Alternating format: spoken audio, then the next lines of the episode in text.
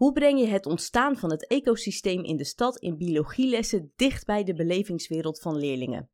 In deze podcast, Tussen Nu met Noordhof, praat ik, Nanda van Heteren, online met vakexperts, ervaringsdeskundigen en collega's uit het onderwijs, zodat jij op de hoogte bent van de laatste ontwikkelingen. In deze aflevering hoor je Menno Schildshuizen. Hij is hoogleraar in kenmerk evolutie en biodiversiteit aan de Universiteit in Leiden. Menno, welkom. Om maar direct tot de kern te komen, kan je kort omschrijven wat kenmerkevolutie is en wat in jouw vakgebied biodiversiteit inhoudt? Dankjewel. Um, kenmerkevolutie is um, ja, de, de evolutie niet van complete nieuwe diersoorten of nieuwe typen van, uh, van organismen, maar echt de, de verandering in één, in één of enkele kenmerken. Dus één of enkele eigenschappen van een dier of plant. Dus de kleur, de vorm, de beharing, uh, tijd van het jaar waarin ze actief zijn. Al die dingen kunnen afzonderlijk veranderen, evolueren. En dat, is, eh, dat betekent dat het ook vaak hele snelle evolutie kan, kan betreffen, omdat het op korte tijdschalen gaat. Uh, en dat is wat ik, wat ik bestudeer bij, bij kenmerkevolutie. Um, en biodiversiteit is ja, eigenlijk het, het gevolg van, van evolutie, namelijk de, de hele diversiteit die je ziet, de hele verscheidenheid aan levensvormen in een bepaald ecosysteem. Nu zit ik dan meteen te denken, want ik uh, ben nu op dit moment het echte leven in de dierentuin aan het volgen. televisieprogramma van de NTR op NPO 2 uit mijn hoofd. Maar in ieder geval, um, de, daar hadden ze het over dat de olifanten in het wild bedreigd worden vanwege de slagtanden. Maar dat het nu mhm. zo is dat er olifanten in het wild geboren worden zonder slagtanden, zodat ze niet meer voor stropers aantrekkelijk zijn. Is dat ook een kenmerk van ja, dat is, dat is, een heel goed voorbeeld van inderdaad het soort evolutie waar ik naar kijk. Dat is inderdaad één, één kenmerk, namelijk de, de, de aanwezigheid of, de, of het formaat van de slagtanden van olifanten. Um, en die begint te evolueren als gevolg van ja, natuurlijke selectie. Je zou het ook kunstmatige selectie kunnen noemen. In elk geval selectie door de mens. Want ja, stropers die schieten natuurlijk vooral de dieren met de grote slagtanden. Um, dus de erfelijke eigenschappen die zorgen voor grote slagtanden, die beginnen langzaam uit die populatie olifanten te verdwijnen. Dus de, de, die populatie olifanten die begint steeds kleinere slagtanden te krijgen. En dat is inderdaad een heel goed voorbeeld van kenmerkevolutie. Laten we straks uh, dieper ingaan op je expertise. Ik vind het nu al interessant. Maar, maar, maar, ik wil ook wat meer over jou weten. Kan, je wat meer over jezelf vertellen? Ik ben uh, 56. Um, ik uh, werk nu al een tijdje weer in Nederland, maar ik heb ook een tijd in uh, Maleisië gewerkt. Eh, bij een universiteit op Borneo, op Maleisisch Borneo. En um, ik ben eigenlijk begonnen als, uh, als bioloog in de, in de taxonomie. En taxonomie dat is de wetenschap die zich bezighoudt met het klassificeren van, van dier- en plantensoorten. En ook het ontdekken van nieuwe soorten en het naamgeven van nieuwe soorten. Um, en eigenlijk vanuit die achtergrond, dus meer de klassieke biologie, ben ik geïnteresseerd geraakt in uh, ja, welke biologische processen verantwoordelijk zijn voor al die verschillende soorten. En dan kom je heel snel bij evolutie uh, terecht. En evolutie is natuurlijk weer het gevolg van, van ecologische veranderingen. Dus eigenlijk ja, ben ik ook een beetje een ecoloog. Um, dus taxonoom, evolutiebiologie, ecologie, dat, dat zijn de dingen waar ik in geïnteresseerd ben. Um, en ik heb eigenlijk mijn hele leven in, uh, ja, bij universiteiten en uh, natuurhistorische musea gewerkt. Maar de laatste jaren um, ook steeds meer uh, professioneel in de wetenschapscommunicatie. Dat is uh, iets wat ik eigenlijk altijd al deed, maar dan meer als een soort hobby, een beetje freelance werk daarnaast. Maar de laatste jaren ben ik ook heel erg actief met uh, het schrijven van boeken, het geven van lezingen, actief op radio en tv, ook het organiseren van expedities en excursies voor het algemene publiek. Dit verbaast me trouwens dat je zegt, ik heb altijd op een universiteit gewerkt. Want als ik denk aan uh, nieuwe diersoorten of nieuwe plantensoorten, denk ik meteen aan de maritieme biologie. En zover in, uh, in zee. Ja, nee, dat hoeft niet op, in zee. Op, op land, uh, sterker nog, waarschijnlijk zijn er meer dier- en plantensoorten op land dan in de zee. Dus als je nieuwe diersoorten wilt ontdekken, dan kom je al gauw bij insecten terecht. En die voornamelijk op land. En um, het is natuurlijk wel zo dat, ja, als ik, ik zeg op een universiteit gewerkt, maar eigenlijk ben ik het liefst uh, zo ver mogelijk van de universiteit vandaan, namelijk in het bos of uh, in het veld, zoals we dat noemen. Echt veldonderzoek doen naar, um, naar inderdaad ook vaak naar nieuwe dier- en plantensoorten. Um, maar wel altijd vanuit, een, um, vanuit een, een dienstbetrekking bij een universiteit. Laten we het gaan hebben over het ontstaan van een ecosysteem in de stad. om te beginnen, wat is in jouw ogen de definitie dan van een ecosysteem? Ja, een ecosysteem. Uh, ecosysteem is eigenlijk het, ja, het is een heel breed concept. Het zijn alle levende organismen op een bepaalde plek en de interacties daartussen. En de interacties tussen die organismen en de niet levende omgeving. Dus het is bijna een definitie van gewoon alles wat je op een bepaalde plek hebt. Maar wel met een focus op de, op de, levende, de levende organismen. Dus je, nou ja, als, om, voorbeeld, om een voorbeeld te geven, het, het, het ecosysteem in, um, nou, laten we zeggen, in, je, in, je, in, de, gewoon in een, uh, in een kamerplant. Dan heb je natuurlijk de kamerplant, maar die kamerplant die staat in, uh, in, in, een, in een beetje bodem. Er zitten, zitten vaak mijten in die bodem en uh, wat kleine wormpjes, zitten schimmels in die bodem, bacteriën. en die eten elkaar en die concurreren met elkaar, maar zijn daarnaast ook weer afhankelijk van de vochtigheid en de temperatuur um, en de hoeveelheid licht. En dat hele stelsel samen, dat bepaalt hoe die dieren en andere organismen in zo'n bloempot, um, hoe die uh, met elkaar omgaan, hoe bepaalde soorten verschijnen en ook weer verdwijnen. Um, wie, er, wie er dominant is en wie er zeldzaam is. Um, ja, en dat is eigenlijk een, een uh, ja, in het klein een voorbeeld van een ecosysteem. Maar je kunt natuurlijk dus ook, kunt het ook veel groter trekken en kijken naar het ecosysteem van uh, een park, uh, een, een, land en letterlijk ook de hele wereld. Nu moet ik meteen denken aan wat ik vroeger heb geleerd bij biologie: dat je levende organismen hebt, niet levende organismen, dus bijvoorbeeld bomen die zijn overleden, mm -hmm. en levenloze ja, levenloze zaken eigenlijk. Ja. dus, maar die laatste categorie hoort er sowieso niet bij. En als een boom bijvoorbeeld overleden is, hoort die er ook niet meer bij? Nou, niet bij de levende organismen, maar wel bij het ecosysteem. Want ze vormen wel, uh, bijvoorbeeld een dode boom is wel een voedselbron voor veel van de, van de organismen in het ecosysteem. Voor de schimmels en de bacteriën en de pissebedden en de miljoenpoten die die dode boom opeten, dat vermomde hout. Uh, en al die energiestromen, die spelen ook een rol in, in het ecosysteem. Die horen er ook bij. En hoe ontstaat dan een ecosysteem in de stad? In de stad ontstaan ecosystemen deels doordat de stad gebouwd wordt op een plek waar natuurlijk al natuur was, waar al dieren en planten leefden. en sommige daarvan die verdwijnen als een stad ontstaat, gewoon omdat de omstandigheden zo sterk veranderen dat zo'n soort niet kan overleven. Um, en andere soorten die blijven. Uh, en daarnaast heeft de mens ook uh, de neiging om zelf nieuwe soorten toe te voegen. We zijn altijd heel erg bezig met, zeker in de stad, met het transporteren van dieren en planten. In de stad moet je bijvoorbeeld denken aan de, ja, de, de huisdierenhandel, de aquariumhandel, de tuin- en landbouwhandel.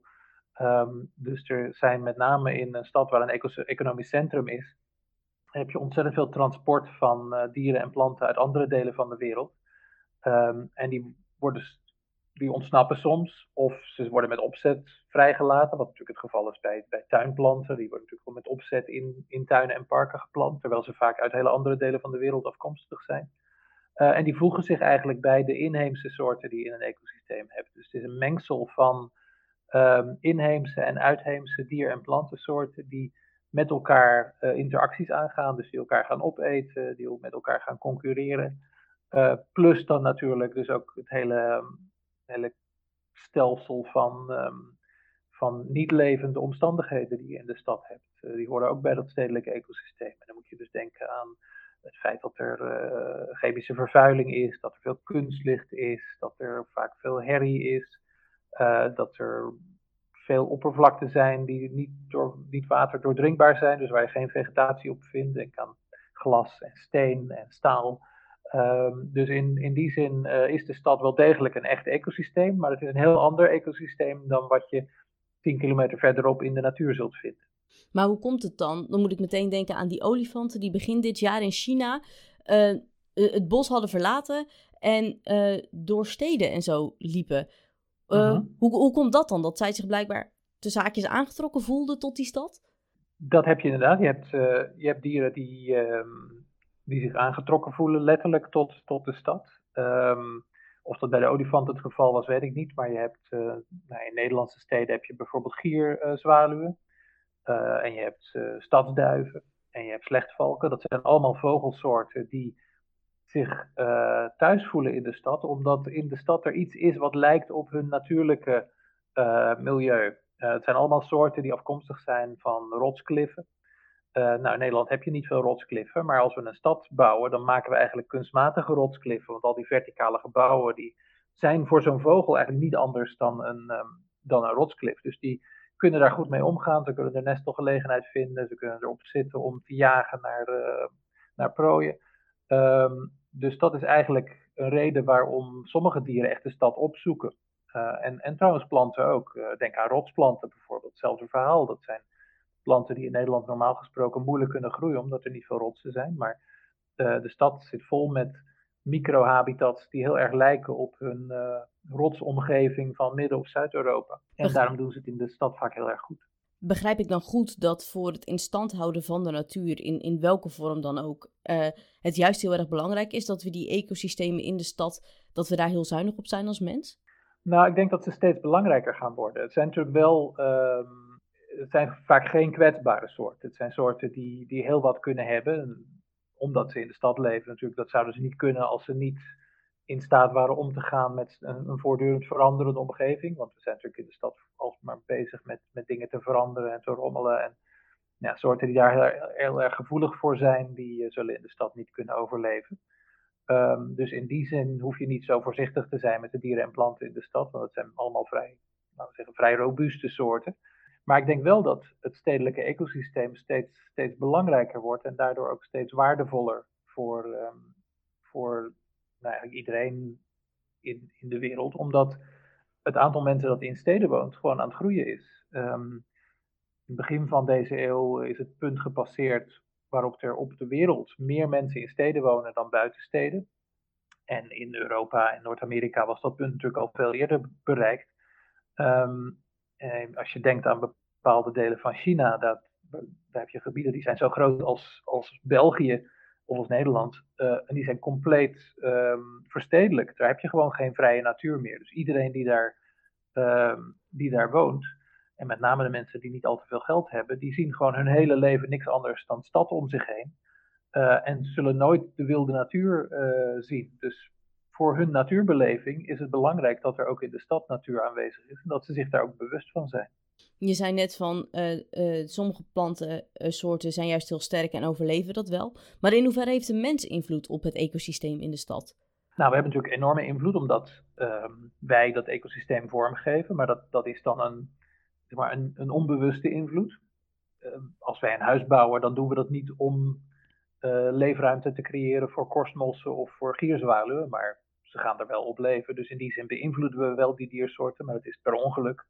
Maar daarnaast zie je ook dat mensen um, langzaamaan steeds meer invloed, actieve invloed proberen het uit te oefenen op de natuur in de stad. Je ziet dat uh, ja, de stadsecologen, en, uh, maar ook architecten um, en ook buurtcomité's proberen uh, natuur in de stad te stimuleren. En proberen bijvoorbeeld uh, wat ze noemen corridors aan te leggen. Dus zeg maar groene linten vanuit het buitengebied naar het stadshart, zodat allerlei dier- en plantensoorten die normaal gesproken misschien niet in de stad zouden kunnen leven, toch de stad kunnen bereiken via die corridors. En op die manier de biodiversiteit van de stad verrijken. En wat ik zelf erg belangrijk vind, is dat we ja, leren om in de stad wat rommeliger te zijn. Heel veel um, dieren zijn afhankelijk van plantaardig afval, van dode bladeren, van gemaaid gras, van uh, doodhout. En in de stad zijn we toch geneigd om het allemaal sneller op te ruimen dan in de vrije natuur. Maar dat zouden we misschien moeten laten. Je zou uh, wat minder met de bladblazer aan de slag moeten gaan en wat minder met, uh, met de maaimachine. Laat maar gewoon uh, hoekjes verrommelen. Dat is voor de natuur in de stad het beste.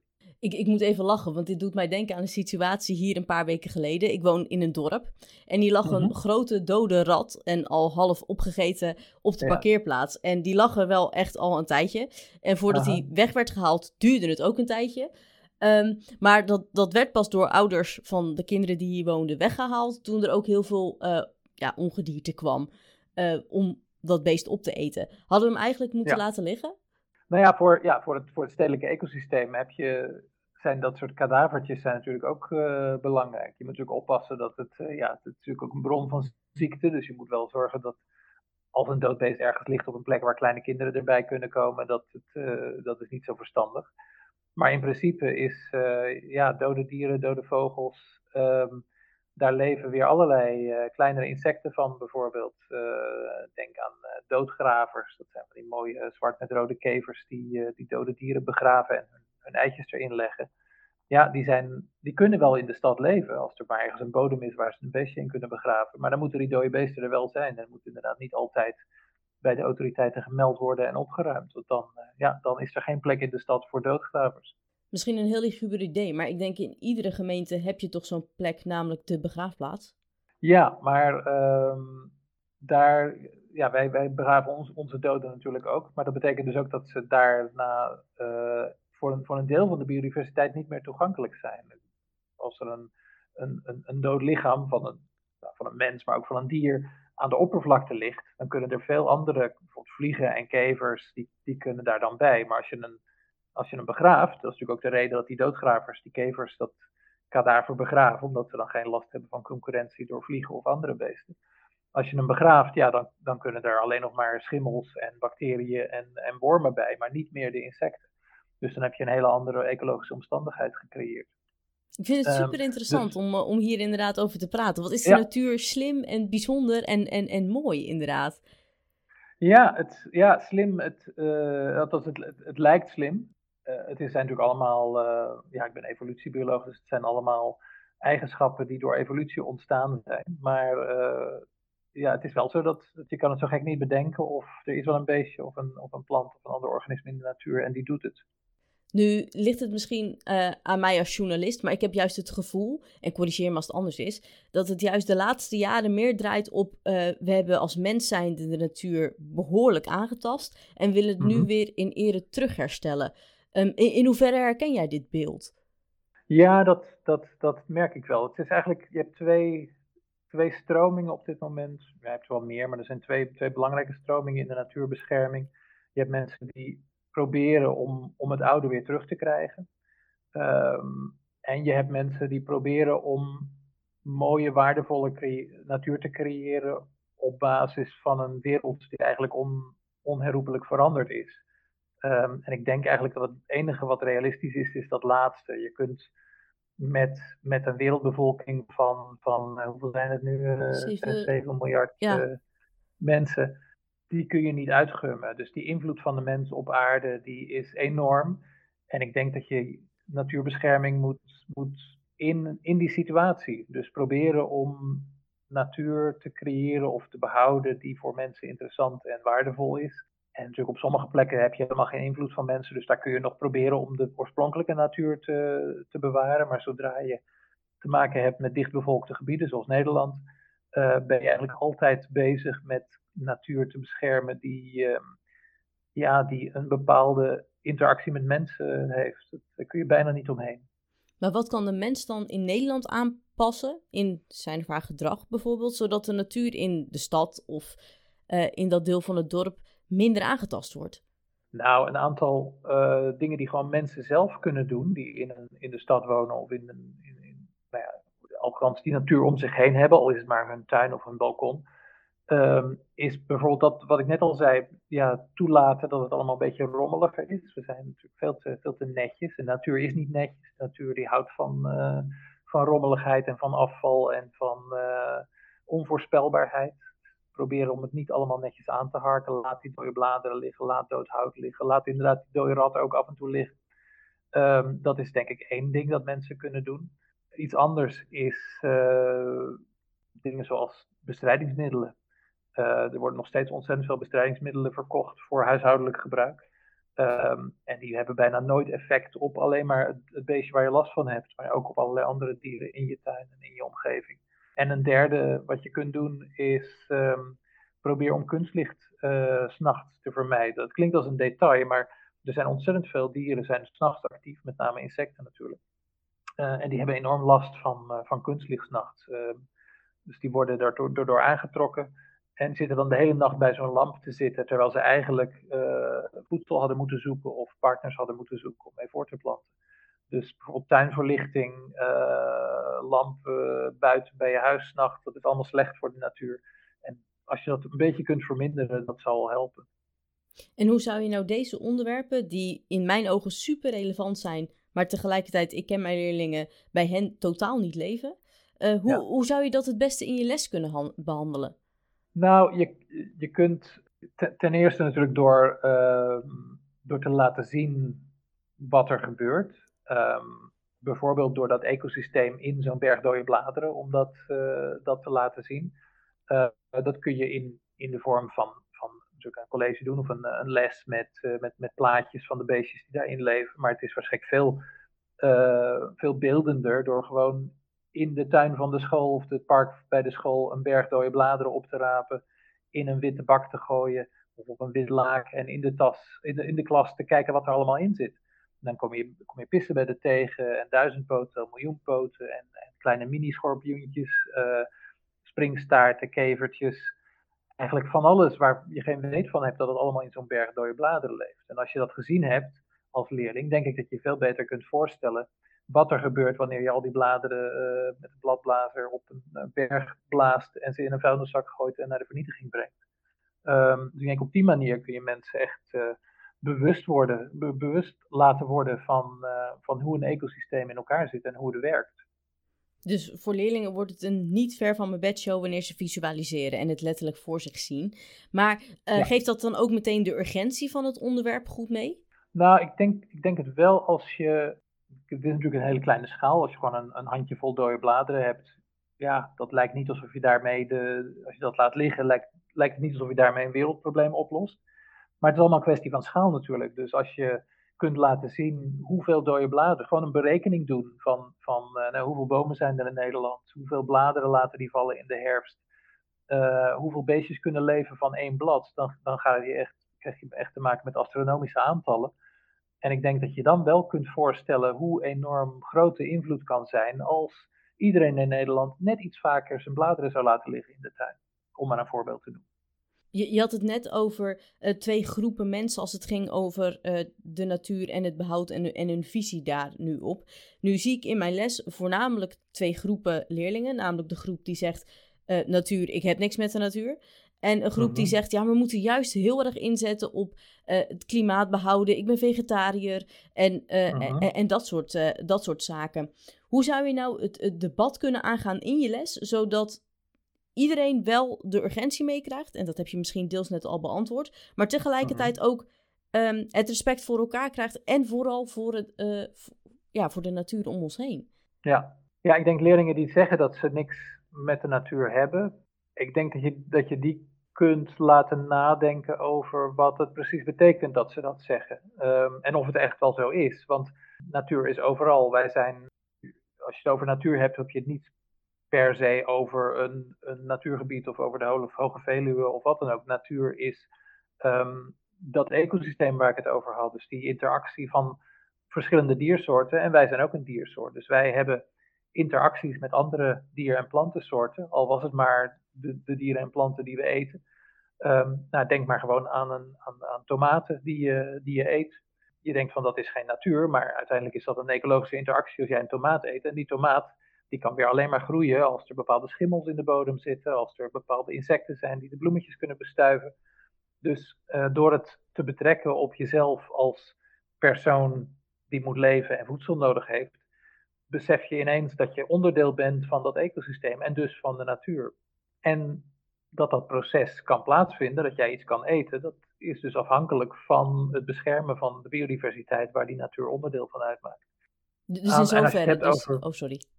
Sorry, ja? Oh, ik wilde zeggen, dus in zoverre dus, uh, dat je de leerlingen echt bewust maakt van natuur zit overal om je heen en is niet alleen uh, met je kaplaarzen door de modder en... Ja, ja, ja. Nee, precies. Dat is, en, en dat, eigenlijk is dat net zulke goede ecologie als de ecologie van, uh, van kaplaarzen en, en, en het moeras.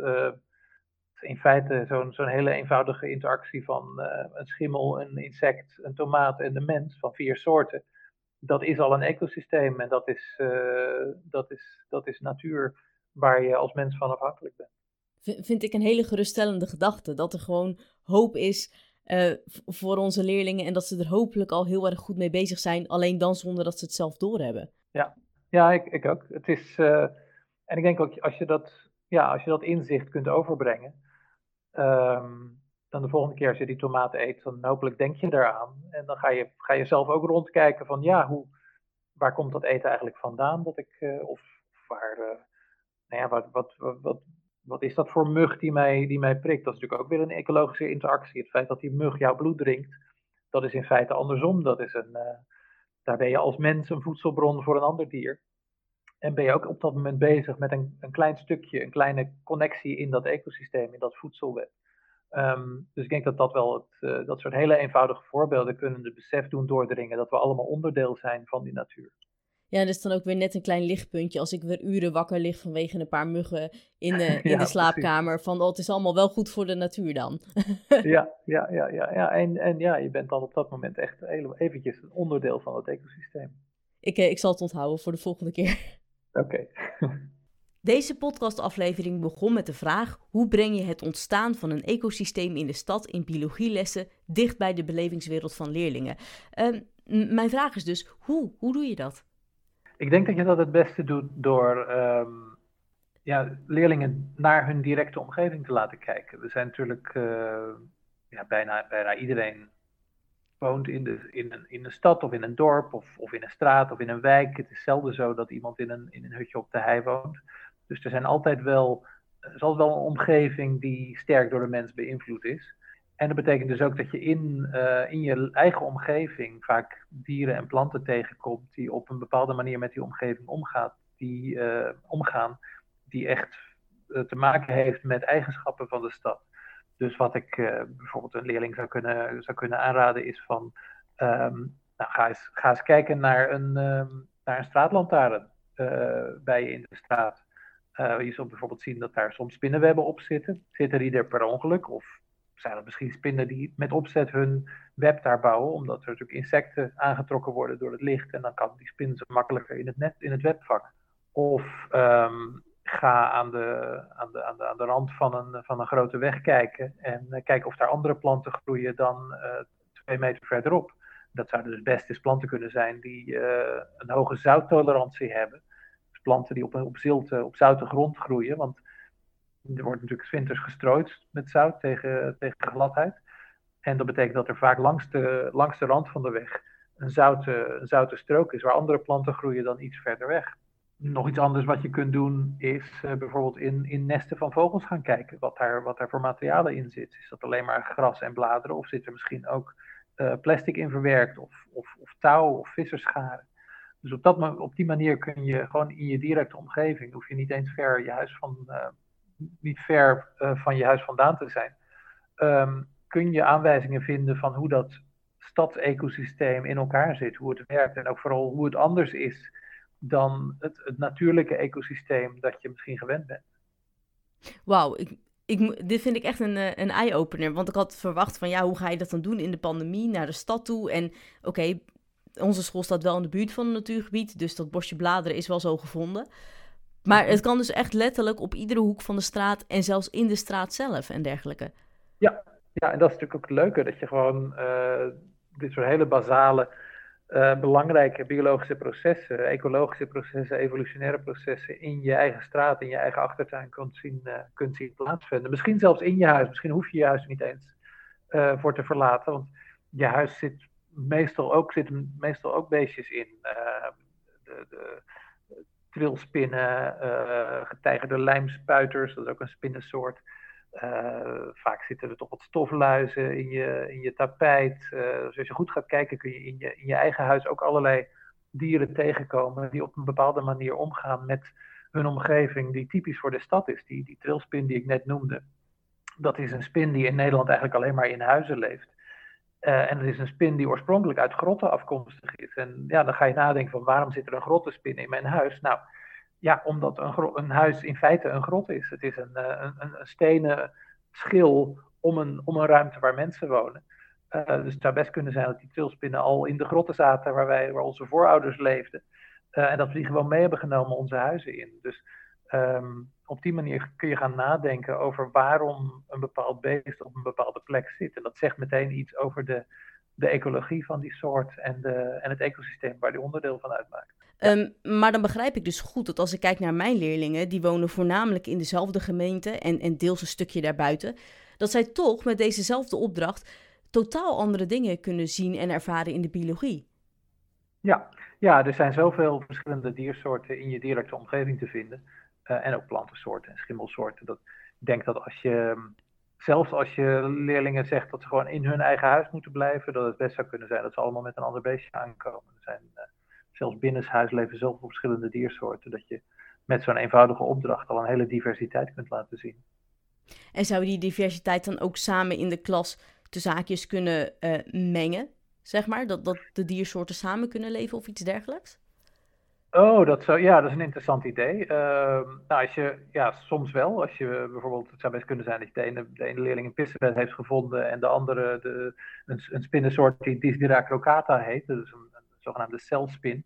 Uh, nou, die celspin die is helemaal gespecialiseerd op het, leven, op het eten van pissenbedden. Dus dat is waarschijnlijk wel een interactie die je, die je in de klas dan kunt laten zien.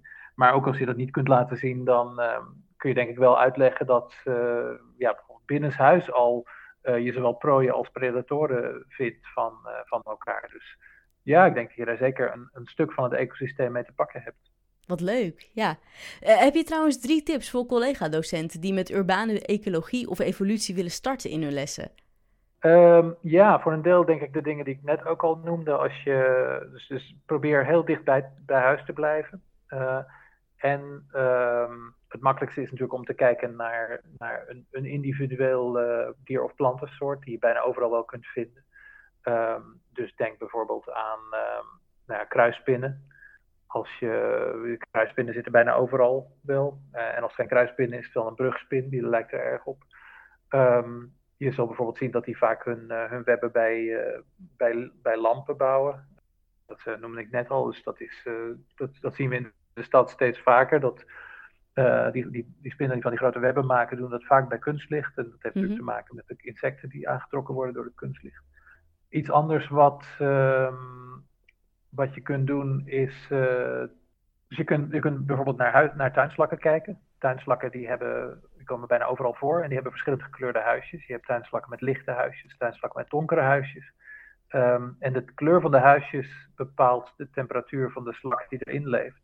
Dus we zien vaak dat op warme plekken de tuinslakken lichter gekleurde huisjes hebben. Want daar vindt evolutie plaats die ervoor zorgt dat de, de huisjes die beter beschermen tegen oververhitting, namelijk de huisjes met een, licht, uh, met een lichte kleur, dat die in het voordeel zijn.